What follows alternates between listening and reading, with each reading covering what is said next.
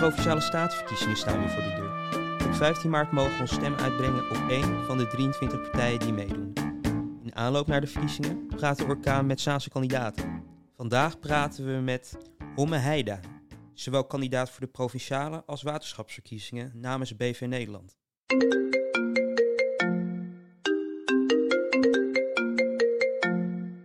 Kunt u binnen één minuut vertellen waarom je op BV Nederland moet stemmen en in het bijzonder op u? Ja, Belang van Nederland is een integere partij.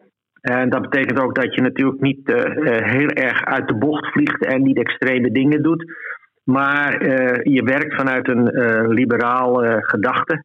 En dat was voor mij vroeger de VVD, nou nu is dat BVNL. En ja, er is heel veel mis in Nederland als het gaat om het, het verdedigen van het rechtse uh, kwartier, zeg maar. De, ja, de VVD doet het niet meer. Die heeft zich zo verkocht aan links, uh, groen en dieren. En ik heb daar in de gemeenteraad tegen geageerd. Ik ga dat ook weer doen in de provincie als ik daar kom. En ook bij het waterschap. want da daar wordt dus met de stikstofgekte wordt daar gewoon heel veel beslist. En ja, tegengehouden of beperkt. En, en er gaan dingen fout. En daar, daar zal ik me tegen verzetten. Dat is eigenlijk in een nutshell. Wat kunt u betekenen voor Zaankanters in het bijzonder? Ja, Zaanstad is uh, uiteraard uh, onderdeel van de provincie. Het is ook onderdeel van uh, Hoogheemraadschap Hollands Noorderkwartier. En dus ja, de, de, eerste plaats gewoon wat betaal je voor je water. En dat is wel heel simpel en heel erg portemonnee gericht. Ja, dus de kosten moeten, moeten beperkt worden. Nou, de kosten die het waterschap maakt zijn enorm. En uh, terecht natuurlijk, want er zijn hele grote projecten, zoals bijvoorbeeld een, eh, een dijk die opgehoogd moet worden of verbeterd. Nou, zo uh, bijna een miljard aan euro's. Nou, dat gaat betaald worden door, door ja, iemand, maar dat is meestal de klant. Dat is meestal degene die water gebruikt.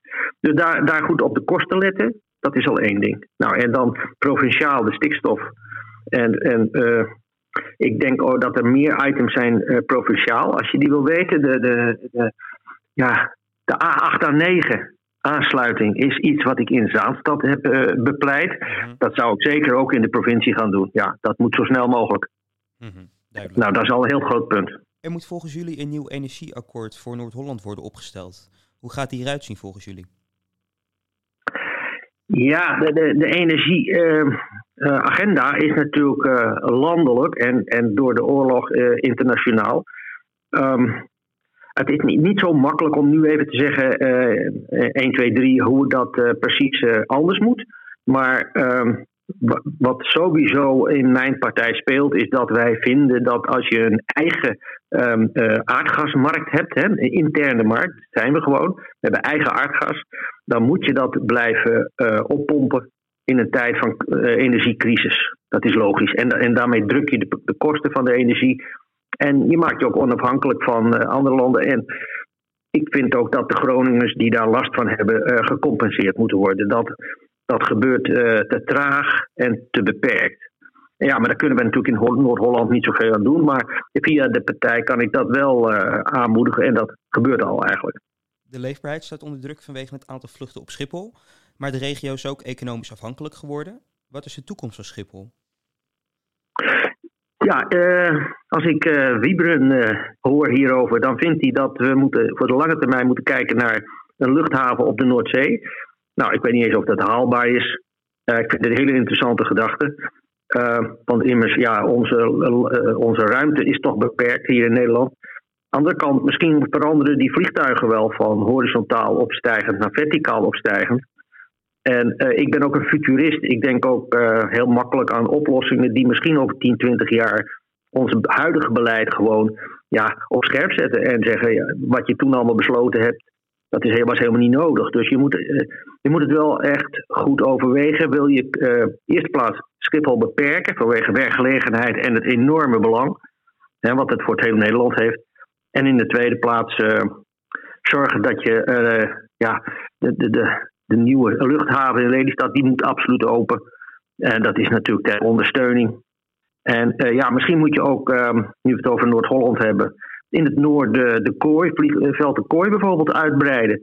En zeggen, ja, daar zijn ook uh, bepaalde vluchten mogelijk. En daardoor maak je ook Den Helder belangrijker. En zet je Den Helder meer op de kaart. Dat is ook iets waar ik wel aandacht aan zou willen geven.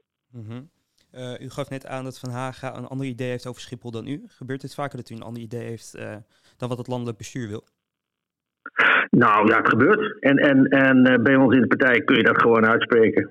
Mm dat, dat vind ik een heerlijkheid, want er is niet een, eh, een top-down eh, management van dit, dit, dit gaan we doen en, en andere ideeën willen we niet eens horen.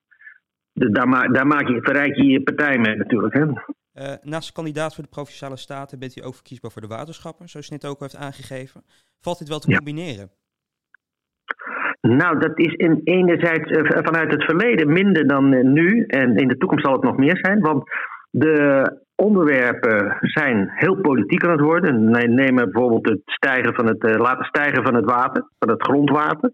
Ja, dat betekent dat bedrijven gewoon moeten stoppen of hele andere gewassen moeten telen. Dus dat is heel belangrijk. Nou, dat zijn heel, heel erg politieke onderwerpen. Nou, en als ik dan kijk naar de nieuwe, hoe heet zo iemand ook alweer? Dijkgraaf. Mm -hmm. Ik zie toevallig vandaag in de krant timing is perfect.